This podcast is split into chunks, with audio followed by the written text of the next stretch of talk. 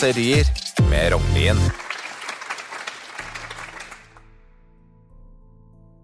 Charles Darwin utvikla evolusjonsteorien om artenes opprinnelse.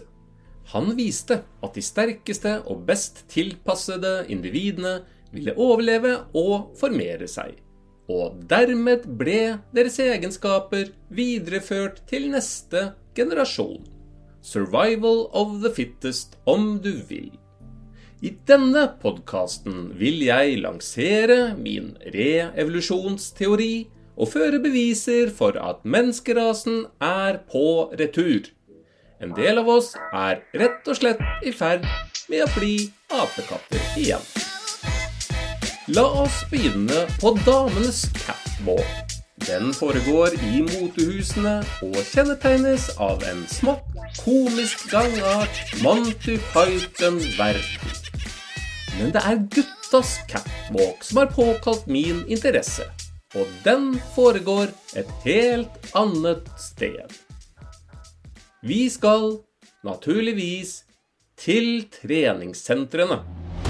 Synes du damene som spankulerer på catwalken i Milano går litt kunstig? Jeg tør garantere at muskelbuntene på gymmen minst går like rart. Særlig har de ett iøynefallende fellestrekk. De rusler ekstremt sakte, alle sammen. Det er egentlig godt gjort å ikke klare å bevege seg raskere enn to kilometer i timen, tatt i betraktning at de trener 20 timer i uka.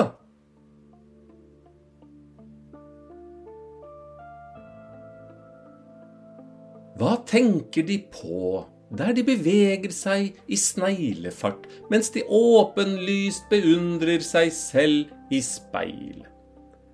Grubler de over meningen med livet, siden de ikke har tid til å gå raskere?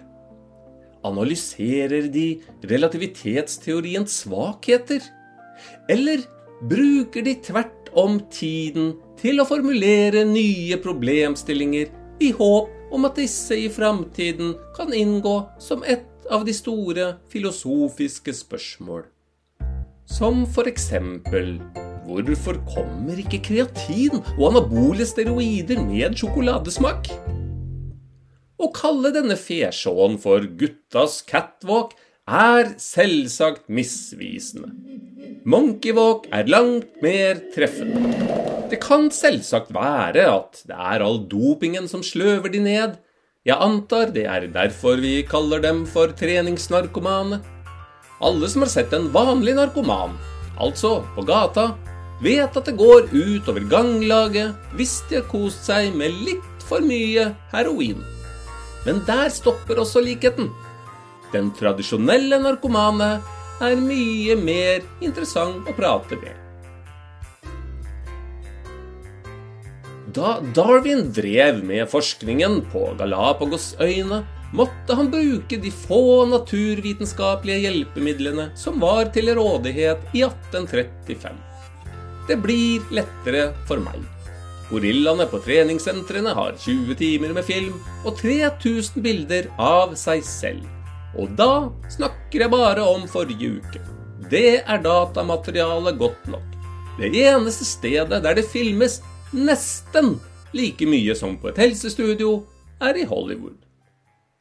Min forskningsmetode er, som du skjønner, først og fremst deltakende observasjon. Da er det viktig å gli inn i miljøet. På treningssenteret gjelder det å feste øynene til gulvet. Du må aldri se noen rett inn i øynene, og for Guds skyld, ikke smil. Det kan bli tolket som om at du flekker tenner. Hvis forskningsobjektene føler at reviret deres er truet, bryter helvete løs. Hadde det ikke vært best om vi kunne ha fått kategorisert disse hjernedøde muskeldustene som en fremmed dyreart? Da kan vi, med loven i hånd, ta dem ut. Altså plaffe dem ned. I så fall skal jeg ikke lenger klage over at de har en toppfart på to km i timen, for da blir det jo viktig å få fanget dem. Skulle de likevel klare å lure seg unna, planlegger jeg å sette opp en felle.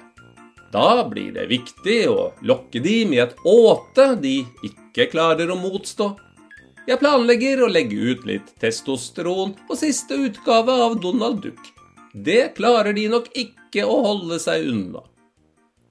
Jeg tror faktisk ikke protestene hadde blitt så høylytte om vi setter opp et skuddpremie. De direkte berørte er jo tross alt ikke blant de mest velartikulerte. Men ved nærmere ettertanke kanskje dyrevernerne hadde protestert.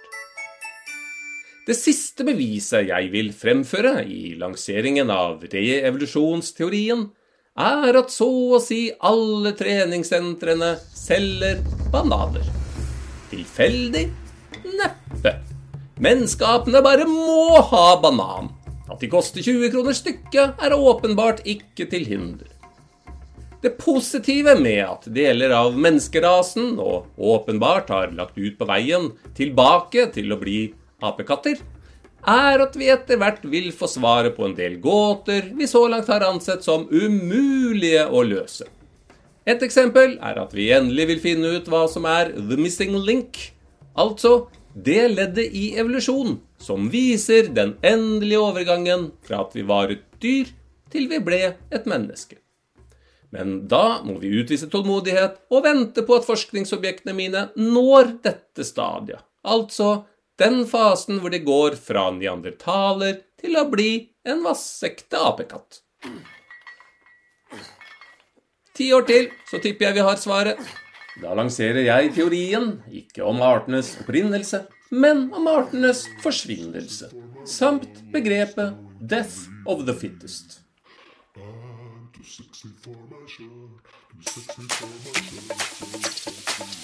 Du har lyttet til Kuriøse kåserier.